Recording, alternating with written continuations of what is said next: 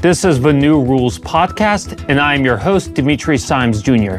Today, we're going to give you an update about the Ukrainian counteroffensive. Over the past three months, the Ukrainian military has tried and failed to break through Russian defenses in the southern Zaporozhye region. Unsurprisingly, this lack of progress has caused visible frustration among Ukraine's Western backers.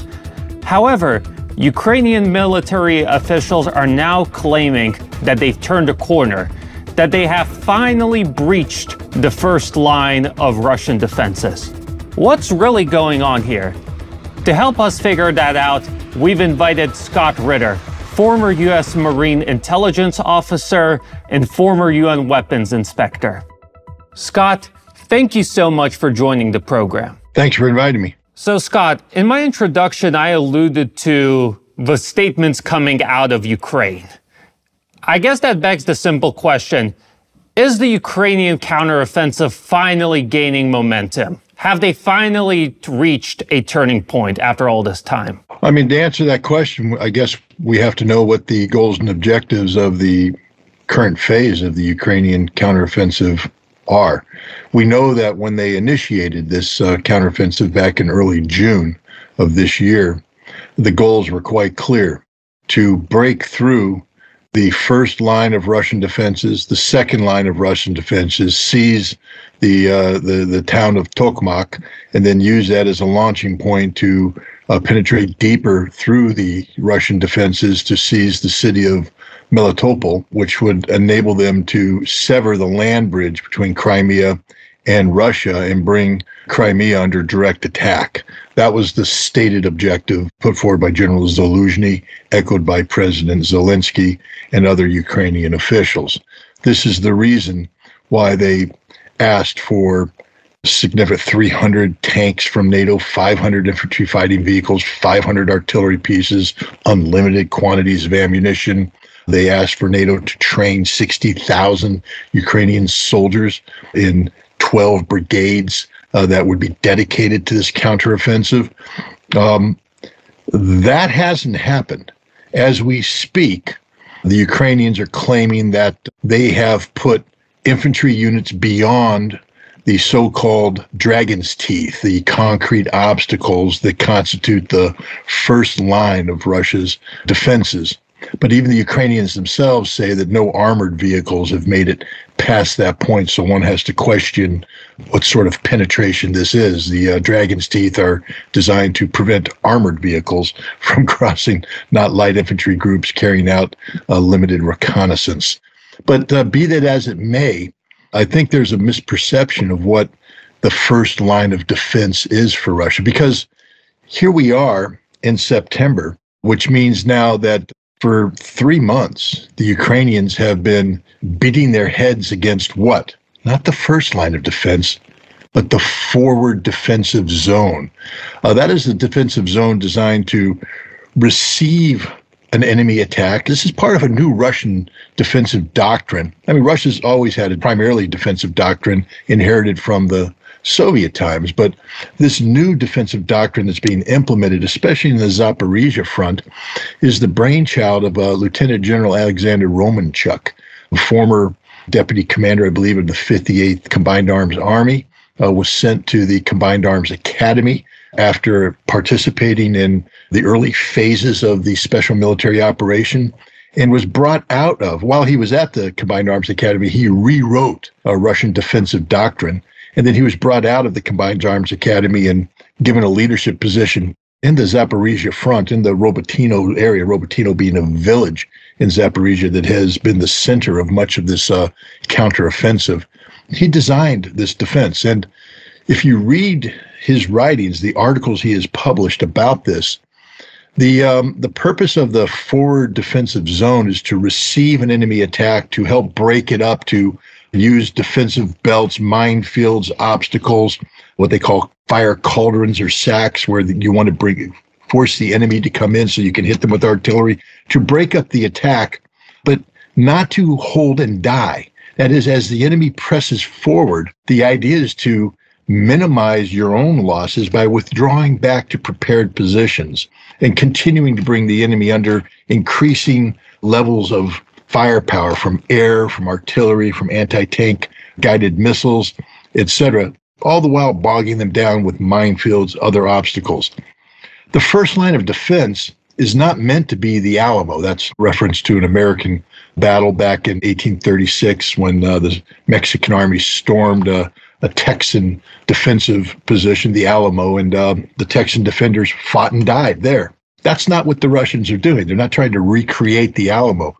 If the Ukrainians achieve localized superiority, the Russians will withdraw uh, to other defensive positions, bringing the Ukrainians in further.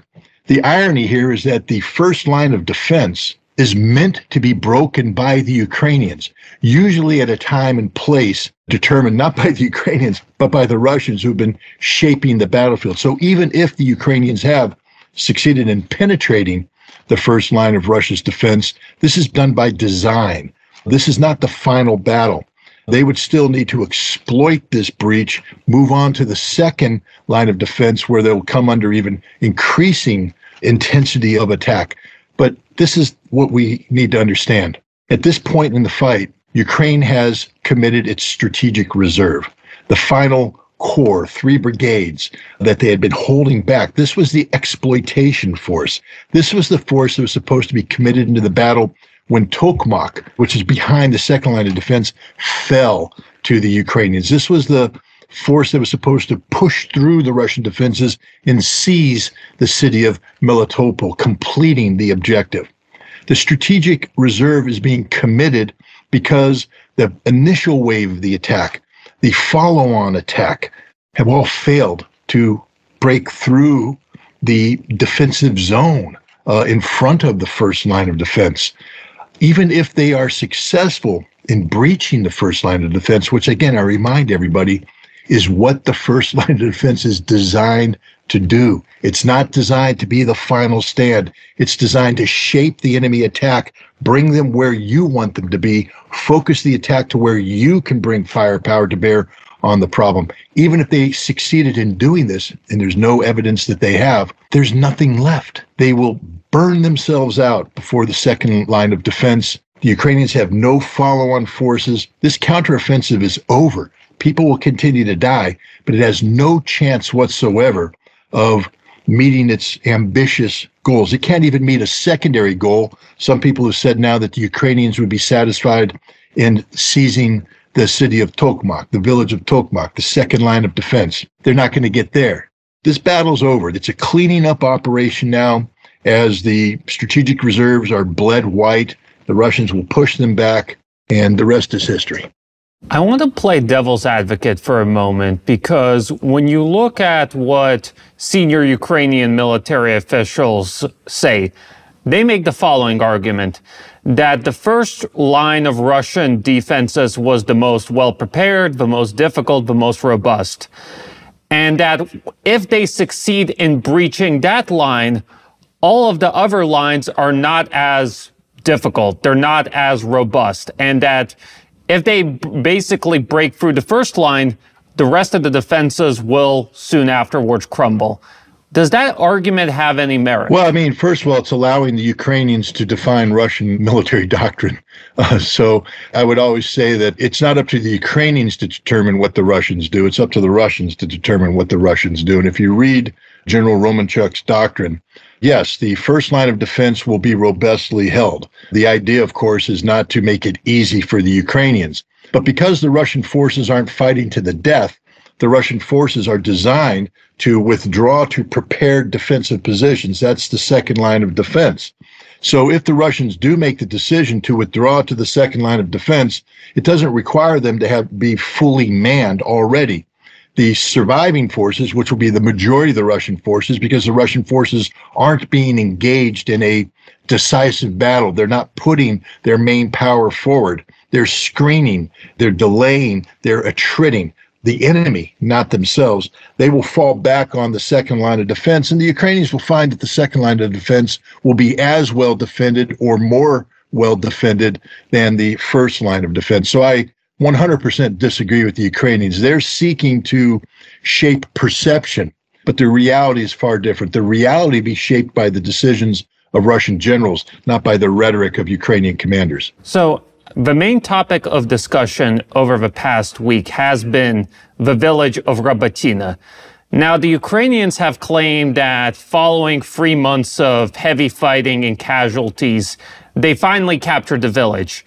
By contrast, Russian sources are stating that they still control the southern part of the village and they're offering resistance. But regardless, for argument's sake, let's assume that the Ukrainians have fully captured Robotyne. Is that a significant victory for the Ukrainian army? No, the village of Robotyne was always meant to fall. If the Ukrainians put sufficient military power in a specific zone of operations, they should be able to advance and seize terrain that the Russians have decided will be defended, but not to the death. Robotyne was always meant to be part of the crumple zone in the forward element defensive zone of the first line of defense. The purpose of Robotyne was to help break up the Ukrainian attacks. And it has done this magnificently. The defenders, the Russian defenders, I'm not someone who awards state awards, but I would say the men who have prosecuted the defense of Robotyne are heroes. It's been heroic, it's been militarily brilliant. What they have done, they have forced the Ukrainians to throw into the Battle of Robotyne the totality of the force meant to seize Melitopol. They have compelled Ukrainians to burn through their reserves, to burn up their ammunition, to use up their fuel, to deplete their armor, to slaughter their manpower to the point that even if Robotyne falls, the Ukrainians will have no strength left to push on forward. This is part of Alexander Romanchuk's defensive concept, and it's been executed perfectly by the Russians at Robotyne. And I guess that does beg the question, though, right? If uh, the Ukrainians have lost so much in the battles for Robotyne, why have they continued to attack that village? Why have they invested so much in capturing the village of Robotyne, just like they invested so much in defending Bakhmut? I mean, this is a political question that can only be answered by the Ukrainians. One can speculate, therefore, I will speculate. The Ukrainians premised their entire request for Western military power last fall into the early months of this year on the fact that they will take this assistance, tens of billions of dollars worth, and turn it into meaningful military activity on the front line. They need to demonstrate to the West that the billions of dollars of assistance, both in terms of material, training, and direct financial assistance, is not assistance given in vain. That if Ukraine asks for military assistance, Ukraine will effectively use this military assistance to further not only Ukrainian objectives, but NATO objectives as well. And, you know, the two aren't necessarily identical. Ukraine's objectives are, of course, the physical reconquest of territory Ukraine believes belongs to it. Russia has said, no, it's now part of Russia. We're talking not only about Crimea, but the districts of Zaporizhia, of Kherson, of Donetsk, and Lugansk. These are now officially, from Russian perspective, part of Russia. The Ukrainians say, no, it's part of Ukraine, and we will reconquer these. We want to return Ukraine's sovereign definition, territorial wise, to the 1991 borders. NATO's objectives are far different. We know because General Lloyd Austin, the commander or the, the Secretary of Defense of the United States, outlined these objectives when he spoke in May after returning from a trip to Kiev. He says that NATO, the United States, is seeking the strategic defeat of Russia, and this will be attained when enough harm and pain is inflicted on Russia to cause political change from within Russia. It's not so much about achieving decisive military victory on the battlefield, but using the assistance provided by the West to inflict pain on Russia to an extent that uh, there could be a Moscow Maidan, referring to the 2014 uh, Maidan revolution or coup d'etat, depending on your point of view, that uh, took place in early 2014 that evicted Viktor Yanukovych, the constitutionally elected president of Ukraine, and replaced it with Ukrainian nationalist government, uh, the current manifestation of which is, of course, the Zelensky government. NATO And we hear this over and over again in the uh, rhetoric of American politicians, whether it be Senator Lindsey Graham or we have Nikki Haley running for office. We have others out there echoing the same thing that the expenditure of U.S. taxpayer money in support of Ukraine is money well spent because we're killing Russians and no Americans are dying. Now, what's left out of this perverse equation is the Ukrainians who are dying. But for the United States and NATO, it simply doesn't matter. This is why you get NATO commanders who trained the Ukrainians saying things such as the Ukrainians appear to be casualty averse. Ukraine has suffered more casualties than NATO has active duty forces on in, in Europe today. To imply that the Ukrainians are casually averse when they're throwing tens of thousands, hundreds of thousands of their men into this meat grinder is, again, just indicative of the irresponsible nature of NATO policy. But NATO isn't here to help Ukraine achieve a military victory. NATO's here to use Ukrainian lives as chips in a gambling game designed to hurt the Russians. It doesn't need to be a one to one pain factor with Ukraine and Russia. We don't care about the Ukrainian pain factor. All we want is to bring up the Russian pain factor, which is why the West continues to push Ukraine to carry out this attack and why Ukraine cannot say no.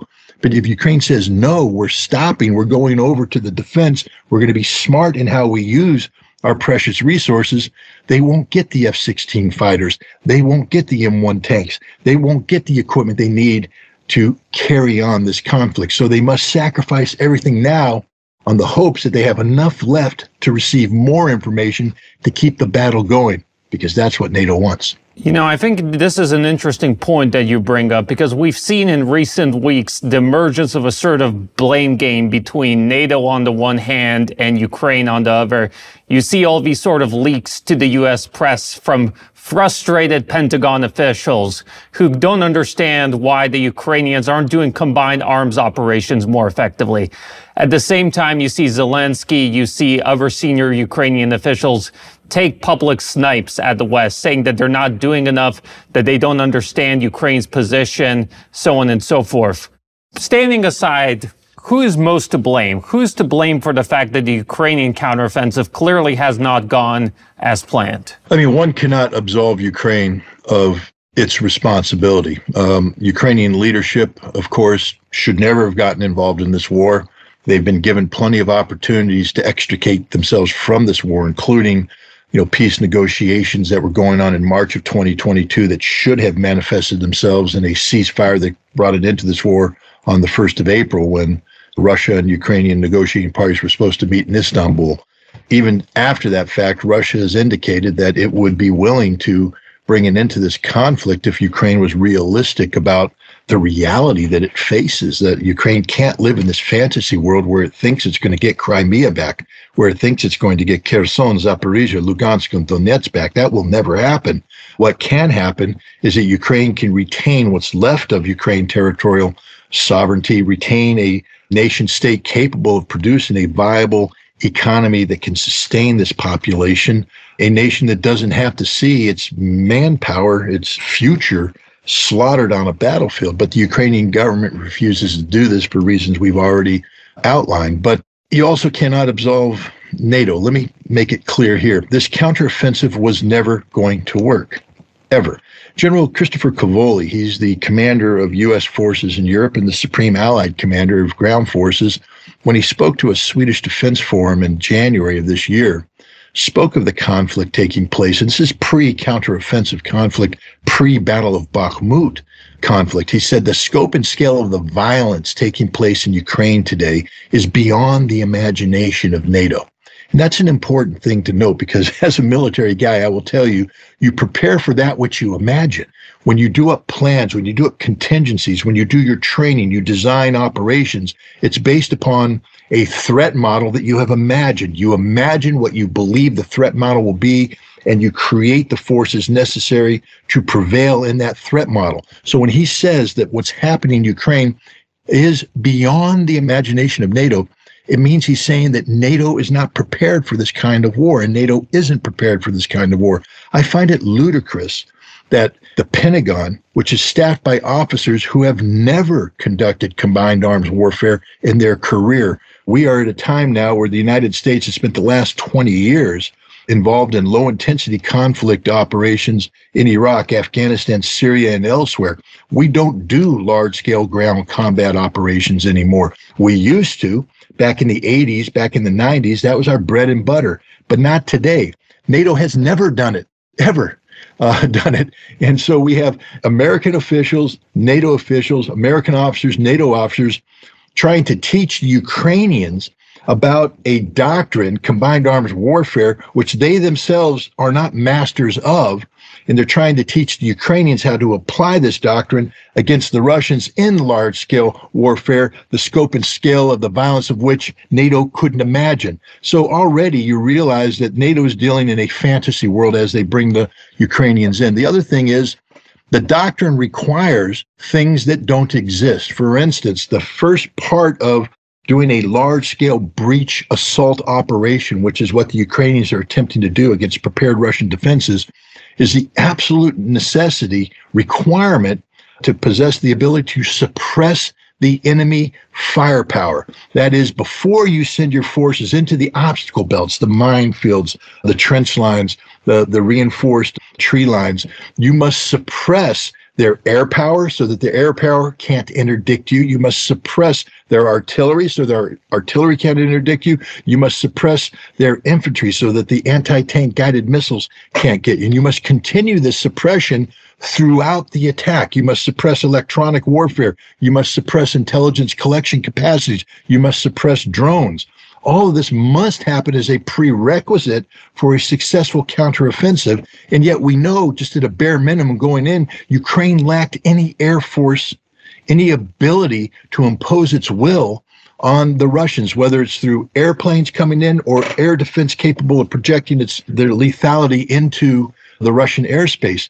If you don't have that, that means that Russian air power operates at will as they want. So that as the Ukrainians gather forces for the attack because your attack doesn't work when you send little fingers of troops in. You have to create an armored fist and punch through the line. But as they try and bring these fingers to a fist, bam, they're hit by Russian airplanes dropping these glide bombs, the Fab 250s, the Fab 500s, hitting them there. Uh, as they come in, Ukrainian attack helicopters are hovering over the horizon slaughtering them with anti tank guided missiles. Russian artillery is coming in because even though the Ukrainians have very good artillery with good range, good accuracy, some very good counter battery, it's not enough to silence the Russian artillery.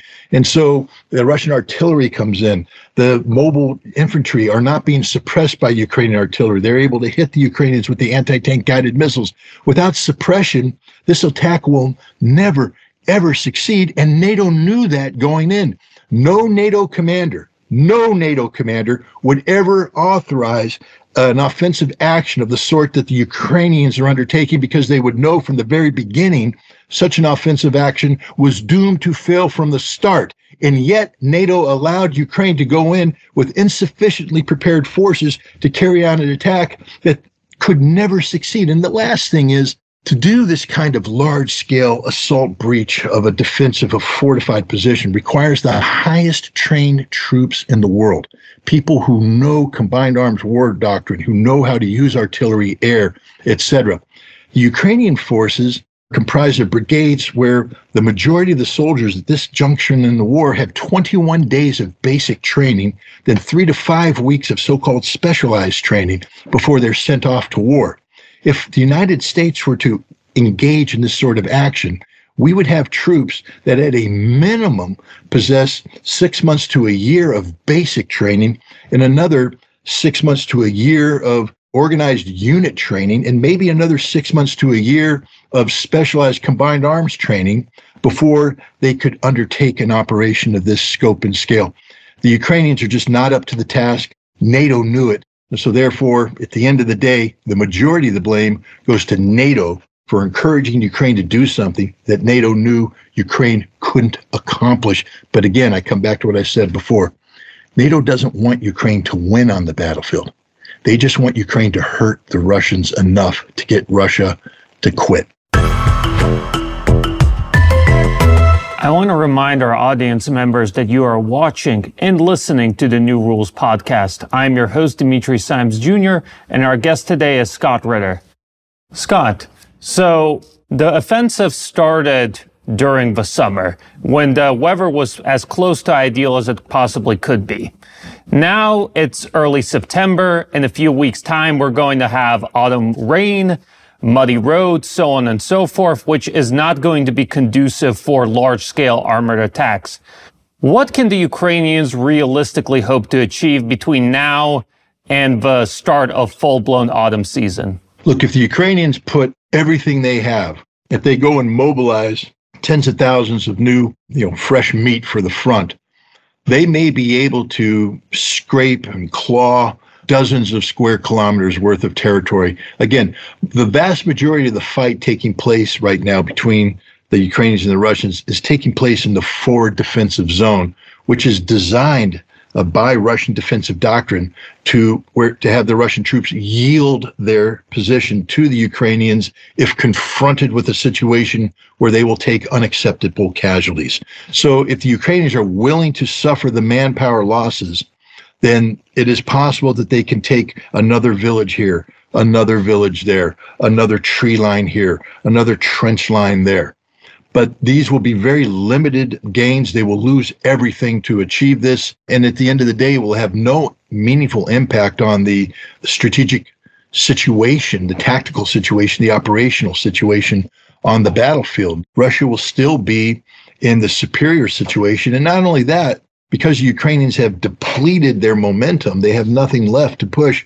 The Russians still, by some accounts, have upwards of 200,000 reserves, well trained, well equipped, ready, that have yet to be committed to the battle. So when the Ukrainians are finished, when their momentum has ceased, when they have depleted their combat power, the Russians will be in a position then to strike. And because the Ukrainians haven't prepared the same kinds of defensive positions in depth that the Russians have, the Russians should have a better probability of pushing the Ukrainians back and promoting the kind of precipitous retreat by the Ukrainians that the Ukrainians were hoping would occur on the part of the Russians. I want to touch a little bit on the point about 200 reserve, 200,000 reserves, because I think there's sort of an interesting debate going on because you see the Ukrainian side claim that there's a quote unquote thin Russian line and that Russia has the manpower disadvantage.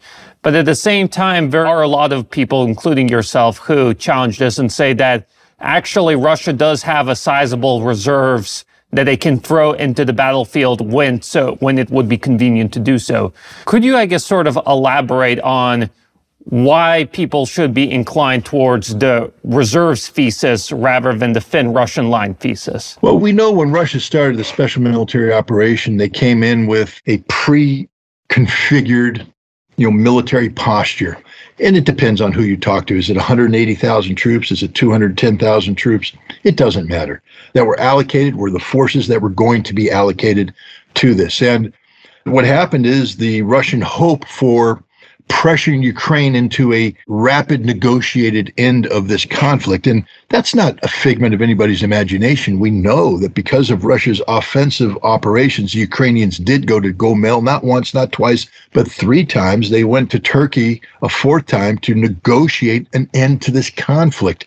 And they had a document ready, signed off by all parties, ready to be finalized on 1 April. So the Russian goal was never the capture of Kiev, the defeat of the Ukrainian army. It was to put Ukraine in a very difficult position to compel Ukraine to negotiate terms of capitulation that would be acceptable to Russia. And that means to get NATO influence out of the Russian military, maybe some limited domestic political changes to de emphasize uh, right wing political parties, but not the destruction of Ukraine. They didn't have the force structure to do that.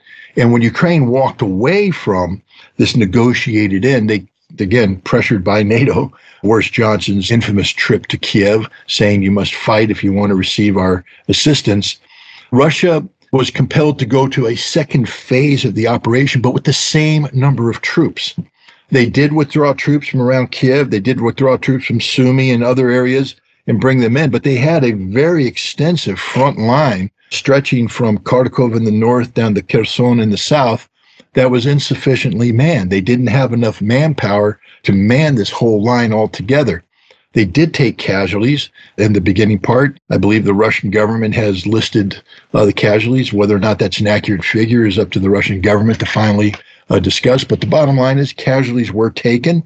And so whatever existed going into phase two is less than what existed when the conflict started. And I bring this up that when Ukrainians, after receiving basically a new army from NATO, new equipment, new trained troops, and launched their first counteroffensive in the fall of 2022, they were able to push the Russians out of Kharkov and uh, readjust the line. But by pushing the Russians out of Kharkov, the Russians were able to fall back on a reduced frontage that allowed them to concentrate more troops along that frontage.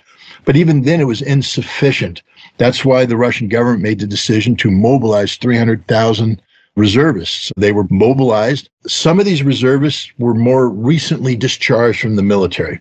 Some people put that number as high as 80,000 to 100,000. These people received a refresher course in training, and then they were sent to fill the lines, to bring units up to full strength, to fill the gaps in the defense, basically to solidify the front lines of the Russian forces facing the Ukrainians. The remaining of these troops, many of whom hadn't been in the military for some time, were held back in the various military districts and given more training, organized into combat units, purpose built combat units, tank brigades, mechanized infantry brigades, artillery brigades, other support units. And they practice and practice and practice. The belief is that many of these have been formed into new combined arms army. I think one that's uh, spoken of is the 25th Combined Arms Army, which appears to be a new force built almost exclusively of these mobilized forces. They have yet to be put into the uh, fight. There's some rumors that they may be being moved down to the Zaporizhia area to assist with the second line of defense or to assist in counterattacks. They may have been put in in a quieter sector to the front to allow a more experienced troops to come in. I don't know. That's a Russian military problem. It's hard for me to know because I don't have access to the uh, general staff maps, and nor should I. But the point is, we know that a significant number of these troops were held back. They were also supplemented by, according to Russian sources, are an impressive number of volunteers who are volunteering, uh, not you know not uh, conscripts who then convert to contracts, etc. People just come in and say, "I want to sign a contract with the Russian army," and the the this number appears to be well over hundred thousand, perhaps more, and they've been trained and organized, etc. The fact is, the Russians should have up to 200,000, perhaps more, uh, troops that have received training over the course. Remember, these aren't Ukrainian mobilized troops with 21 days basic training, a few weeks of uh, specialized training. These are people who have been training consistently from the time they were mobilized in September, October, November of last year until now. Uh, they they they know what they're doing. They're they're they're well motivated. They're well led and they have yet to be committed to decisive conflict. So I don't think this is a figment of Russian imagination. I think this is a reality. They're there, and if they are employed at the right time and place, they could have a dramatic uh, influence on the battlefield.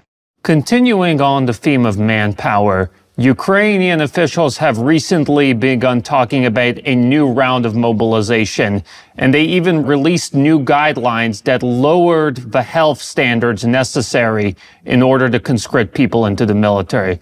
So my question is pretty simple. To what extent can a new round of mobilization in Ukraine help the Ukrainian government to replenish its losses and potentially go back on the offensive sometime in the near future? You know, we're at the stage in Ukraine's mobilization that when one looks to history is probably best replicated or as a precedent, one could point to the final mobilization done by Nazi Germany near the end of the war, the creation of the Volkssturm, uh, the, the People's Forces, where you're bringing in children, 15, 16 years old. You're bringing in old people in their 60s. Uh, you're bringing in the infirm, people who otherwise would have received a military deferment, and you're bringing them together to form these units. Um, when I read history of the Battle of Berlin, there are many occasions when the professional military officers who are responsible for defending this had to actually beg the higher ups, Hitler and below, to pull the Volkssturm out of the battle because they were actually hindering their ability to defend because they were not able to do things. They were going in and being slaughtered before they could accomplish anything. And uh, they were they, it was disruptive to the German effort uh, because you need competence in the front line, not incompetence. If this is the stage that Ukraine is at, then um, this does not bode well for Ukraine because those forces are incapable, incapable of carrying out the kind of offensive operations that the Ukrainian army wants to do. War is a young man's game. You need to be physically fit to do war, especially the kind of war that's taking place that uh, unfolds over the course of days, weeks, months with poor food, little rest. You need to have physical reserves that you can draw upon, a body that has been conditioned with stamina, strength, the endurance not only to perform physically, but to think under extreme duress.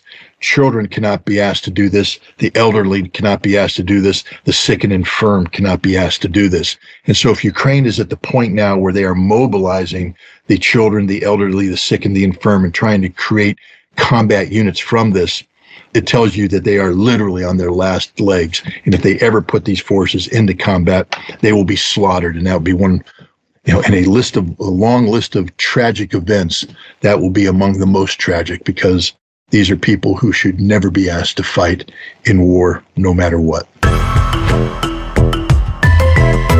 I want to remind our audience members that you are watching and listening to the New Rules podcast. I'm your host, Dimitri Simes Jr., and our guest today is Scott Ritter. Scott, we left off on the topic of mobilization and how Ukraine is increasingly being forced to recruit elderly people uh, I remember a recent Financial Times article that talked about people as old as 71 years old being transferred to Germany in order to undergo training.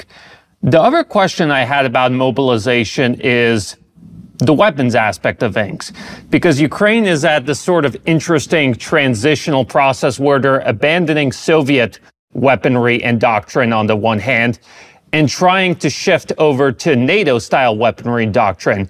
And even professional Ukrainian soldiers who have served for quite a long time are having a hard time making this adjustment. Do we have any information on how the Ukrainian conscripts are going to be trained? Is it going to be the old Soviet doctrine? Is it going to be NATO doctrine? Or is it going to be some weird hodgepodge of the two? Well, both old Soviet doctrine or new Russian doctrine and NATO doctrine um, are premised on the fact that the military personnel that will be implementing this doctrine are professionals uh, capable of implementing this. Um, that they will have received the uh, the requisite amount of training, not only in terms of how to use the equipment in question, but then how to employ this equipment that best takes advantages of the specific technologies involved uh, to use them to complement other forces. That's what combined arms warfare is about. It's not just about your ability to pull a lanyard on an artillery piece and send a round downrange, but it's how to coordinate that firepower with maneuver. You know, when you look at combat, when you go up and you have two relatively peer level forces, the casualty ratio tends to be about 1 to 1.2, meaning that the victor will suffer one, the defeated will suffer 1.2. Right now on the battlefield, the talk is that the Ukrainians are losing eight to every one Russian. Vladimir Putin mentioned uh, earlier in June when he spoke about the initial phases of his counteroffensive that that ratio was as high as 10 to 1. Sometimes it probably could be lower, 5 to 1. But these are ridiculous casualty ratios. It means that the Ukrainians are being slaughtered by the Russians, that it's a different kind of warfare because how you get 1 to 1.2 is through fire and maneuver. But most of your fire is going to be suppressive in nature, that you're firing to suppress the enemy, that is, to prevent them from putting effective fire on you and maneuvering effectively. And while you have them suppressed, you then maneuver to an advantageous position where you can put even more firepower on them. And if you get fire superiority or fire supremacy, you're inflicting casualties that cannot be replicated, compelling the enemy to either die in place or withdraw. And generally speaking, a professional military officer will recognize that the enemy has achieved suppression. They are maneuvering in an advantageous position. And so they will withdraw before it comes to that point to preserve as much of their combat power as possible, go back to a better defensive position where they can seek to impose their will on the battlefield, preventing the enemy from you know put their own suppression fire, slow down any maneuver, etc. And generally, what happens is as the enemy maneuvers, one gets in an advanced position and they win the battle. 1 to 1.2 casualty ratios. What's happening here is that's being thrown out the window. The Ukrainians aren't caring about fire supremacy or maneuvering. They are simply throwing bodies into a meat grinder in a vain hope that they can somehow wear the Russians down and just push through through sheer force.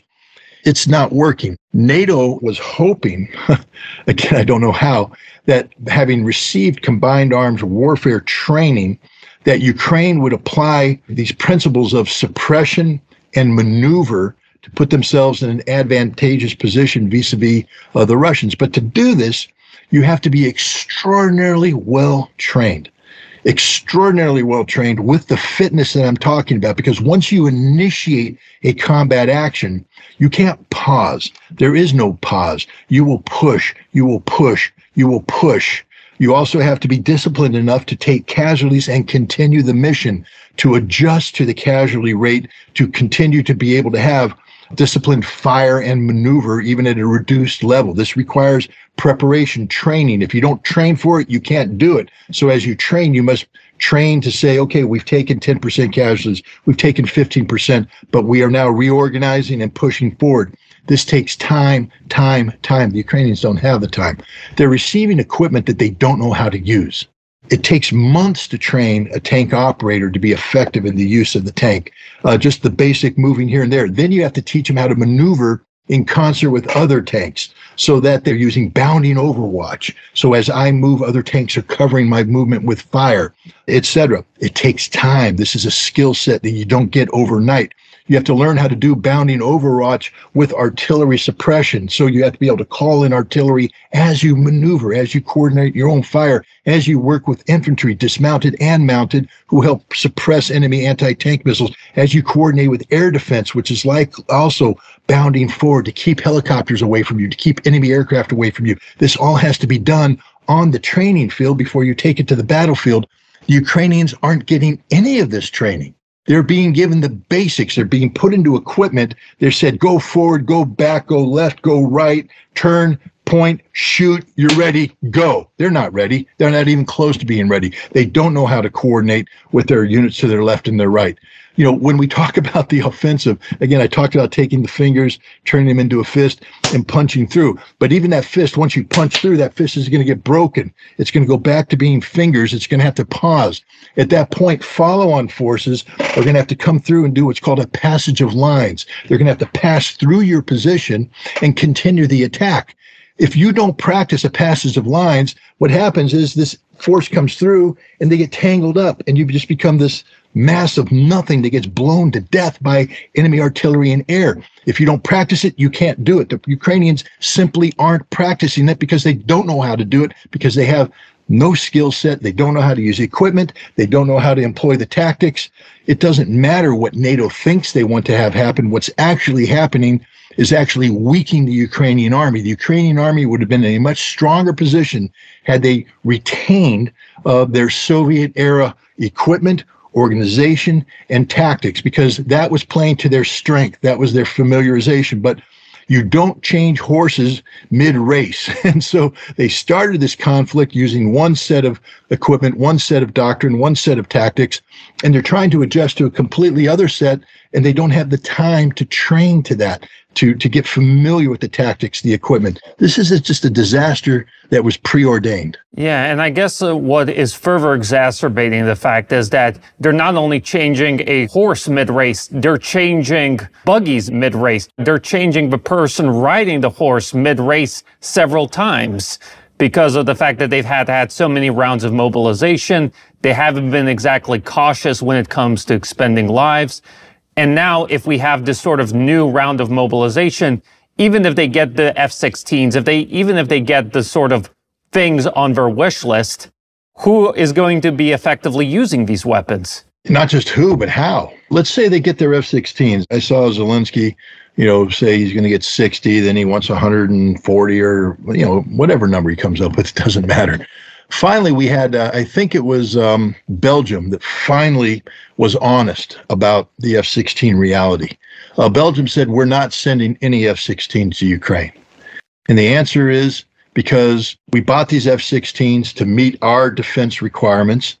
Uh, so we will use these F 16s until the end of their operational service, and then they're done. They're no longer operational aircraft. They they cannot be flown in combat. Therefore, we can't speak of giving it to another air force uh, to use.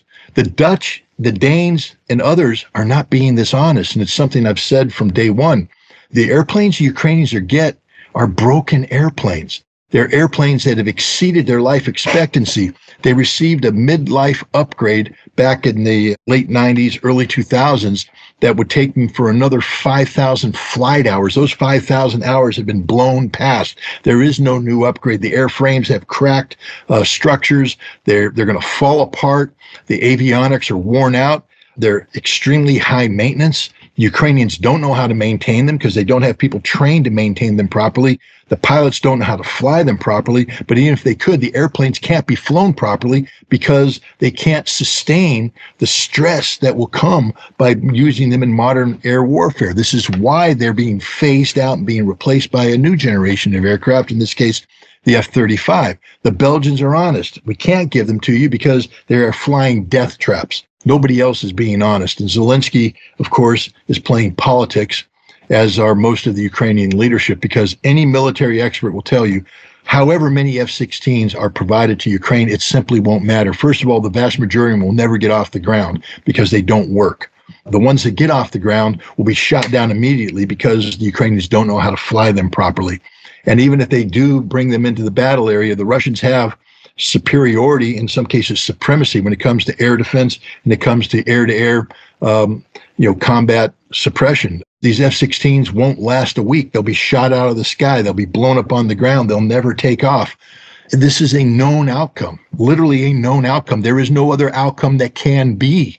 This isn't fantasy world. It doesn't matter the kind of rhetoric that clever writers put down in newspapers to convince an unknowing readership that a miracle can occur. It can't occur. It won't occur. It will never occur because the F 16 is not the fighter that people think it is. It is an old airframe, a worn out airframe with old avionics, worn out avionics, an airframe that was designed for air to air combat with a limited number of air to air missiles on board, but then was converted after the fact into a the multi-use aircraft, air to ground, strapping on bombs that the airframe wasn't designed. So as you fly these bombing missions, dropping these bombs, you're stressing the airframe beyond what it was designed to be stressed. This is why they had to go through mid-life upgrades because they were overstressed. They had hairline fractures in the airframe that weren't supposed to come until the end of the lifetime. They came in the middle of the lifetime.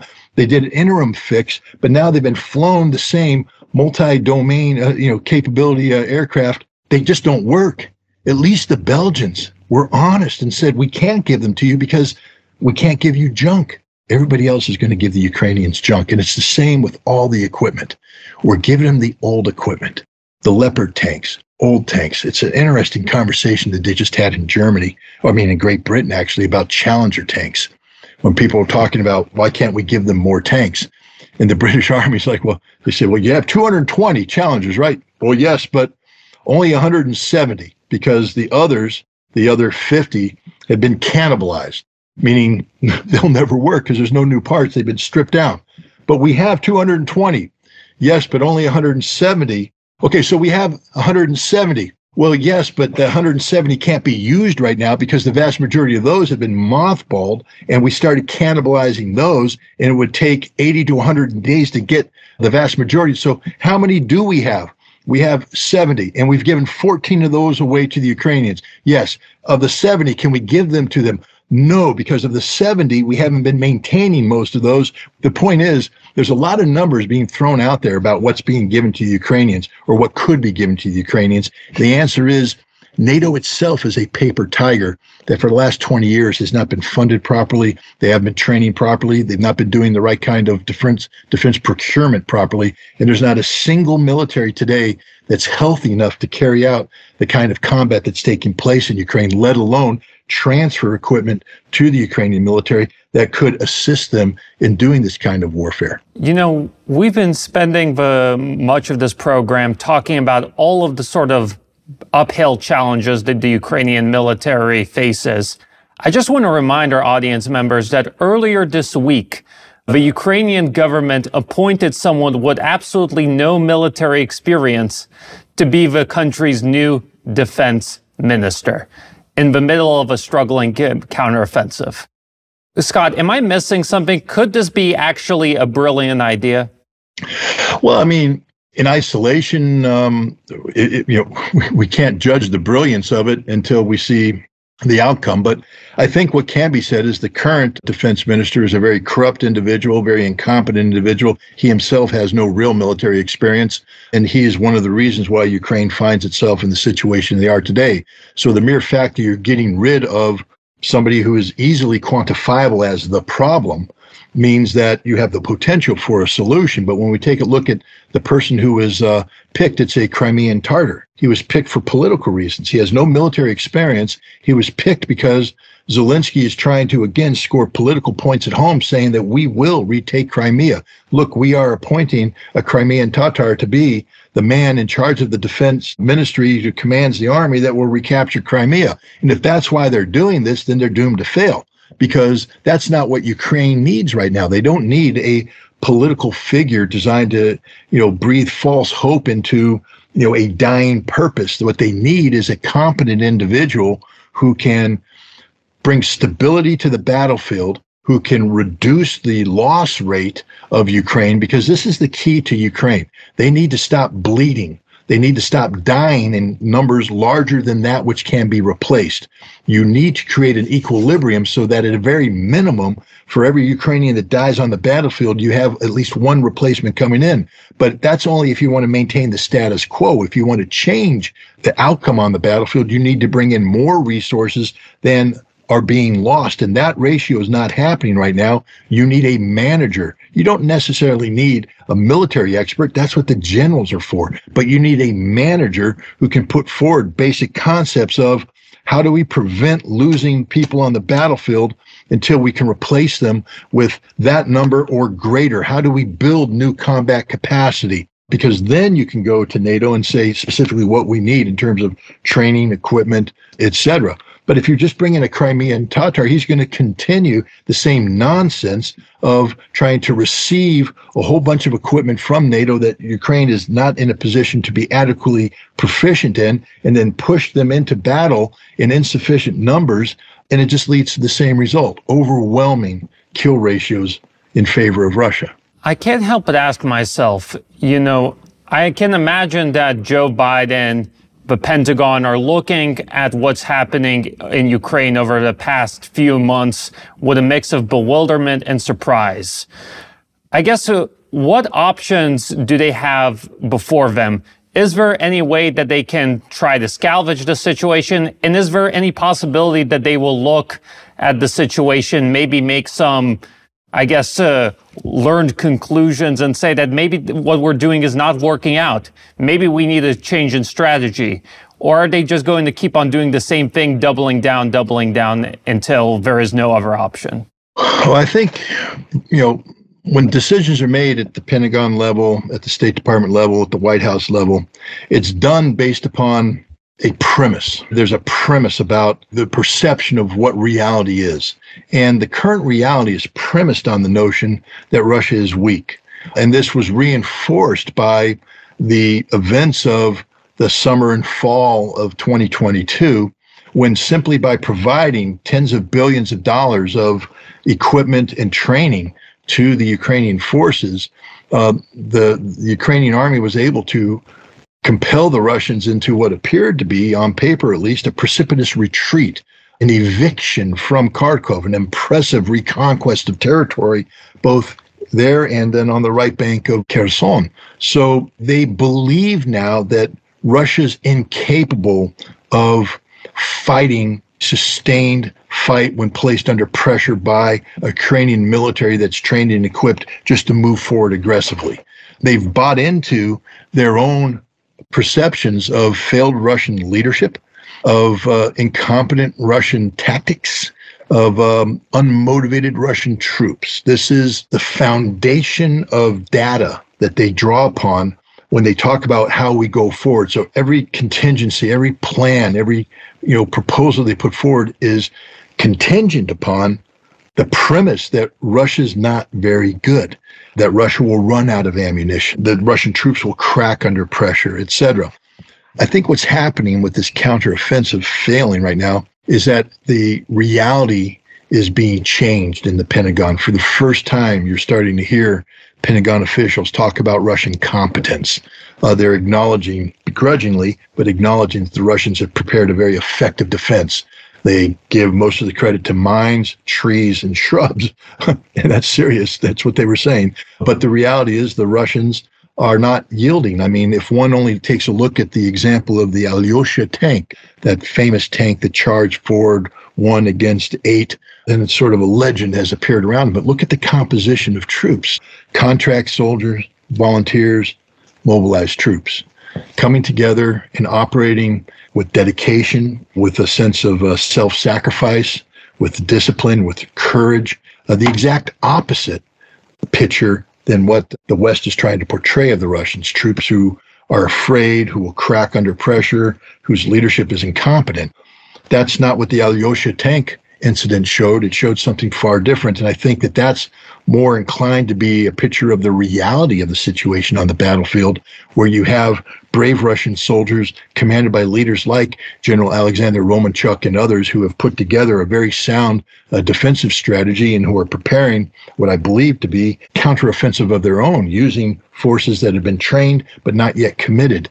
The Pentagon is coming to grips with this new reality. And as they do, I think you're going to see they're going to have to make adjustments in what is done going forward. And I think you're going to see a change in the mindset when the reality comes in that the best case scenario for the West right now is that they can continue this conflict into 2024, but then they're going to have to double down on billions of dollars more of equipment and training, hundreds of billions of dollars more to start it all over again. But this time, the underlying assumptions about the Russians have to be changed because you can no longer assume, as they did at Robotyno. If you look at the Battle of Robotyno, why was Robotyno picked? One, it's a nice little confluence of roads, but two, because it was where I believe the 291st Regiment and the 70th Regiment of the 42nd uh, Guards Mechanized Division, Rifle Division, came together. And NATO had picked the seam between the 291st and the 70th as the weak spot in the Russian defenses. That if you hit this seam, because of a lack of training, they hadn't sealed off this seam so you could exploit the gap, get the 70th and the 291st to run, and that's it game over. You broke through the Russian defenses. You're pushing forward. They gambled on the Russians not being very good. The Russians turned out to be very good. And it was a failed gambit. And I think now NATO planners, the Pentagon, American political leaders, European political leaders, and any you know planning they do going forward into next year, if this conflict continues into next year, must be premised on assumptions now that say the Russians are pretty good. They have a viable defense industry. There's no limit to their ammunition. The troops are well led, they're well trained. And remember, whatever operational pause takes place in the minds of NATO, because they're I guess there's many people hoping for bad weather to come in and bring an end to this bloodshed so that the Ukrainians can pull back and regroup. But even if the Russians allow that to happen, and there's no reason to believe that the Russians will allow this to happen, especially if they have reserves that can be committed to continue pressure, but whatever rest the Ukrainians get because of the weather, the Russians are getting the same rest. So any hope that the Russians, even though they're good now, will be tired come next spring, that doesn't work. And so I think there's a whole new reality setting in in the West about the impossibility of achieving their goals and objectives, especially if those goals and objectives prefaced on the, the requirement for the Ukrainian army to be able to sustain this kind of large scale offensive operations. I think this is it. I think we've hit the high water mark of this conflict in terms of this is as good as it's going to get for the Ukrainians. It will never get any better. They will never have an army that was as capable of the army that they had that they threw into battle uh, when this counteroffensive started. Those troops are gone, never to be replaced. And from here, it's just downhill. So then the West has to come up with the calculation of um, how do you end this conflict on terms that are most acceptable to the West? Um, because it's going to be a defeat. How do you mitigate the consequences of that defeat? And then the question is, do you continue this conflict and hope that Russia just gets tired and is willing to accept less than they're demanding now? Or by continuing this conflict, you only strengthen Russian resolve, strengthen Russian capabilities, and put Ukraine further at risk of being totally stripped down as a nation. If you force the Russians to carry out offensive operations that, for instance, lead to the conquest of Kharkov, lead to the conquest of Odessa? Will Russia return those cities once they've sacrificed blood to gain these cities? These are questions that the West now needs to wrestle with. If you stop the conflict now, we can pretty much define what the borders are going to look like. But if you allow this conflict to go forward, the question of what the final configuration of the Ukrainian state is, is up in the air. And so I think in the West right now, there's a lot of talk about, you know, how do we get ourselves out of this, but it has to be done in a way that doesn't pull the rug totally out from under the feet of the Ukrainians. Because if you get too far ahead and when talking about that capitulation is the end game, there's not much left for the Ukrainian troops to fight, and you might find that collapse will be the end game. I want to remind our audience members that you watched and listened to the New Rules podcast. I'm your host, Dimitri Simes Jr., and our guest today was Scott Ritter. Scott, where can our audience members go to keep up with your work? I think the best thing is to go to scottritterextra.com. It's a website. On there, you'll find my Substack. You'll find access to podcasts I do. Uh, for instance, I hope you send me a link to this. I'll post that on there. It's totally free. There's no paywall. You can go there. If you want to support, you can support. But if you just want to gain access to information, it's all there. ScottRitterExtra.com. And if you want to keep up with this show, the very first thing that you need to do is like this video and subscribe. It really helps get the word out about our channel. Additionally, we have a Twitter account, we have a Telegram page, we have many other social media. All of that will be in the link in the description below. Thank you so much for tuning in. Till next time.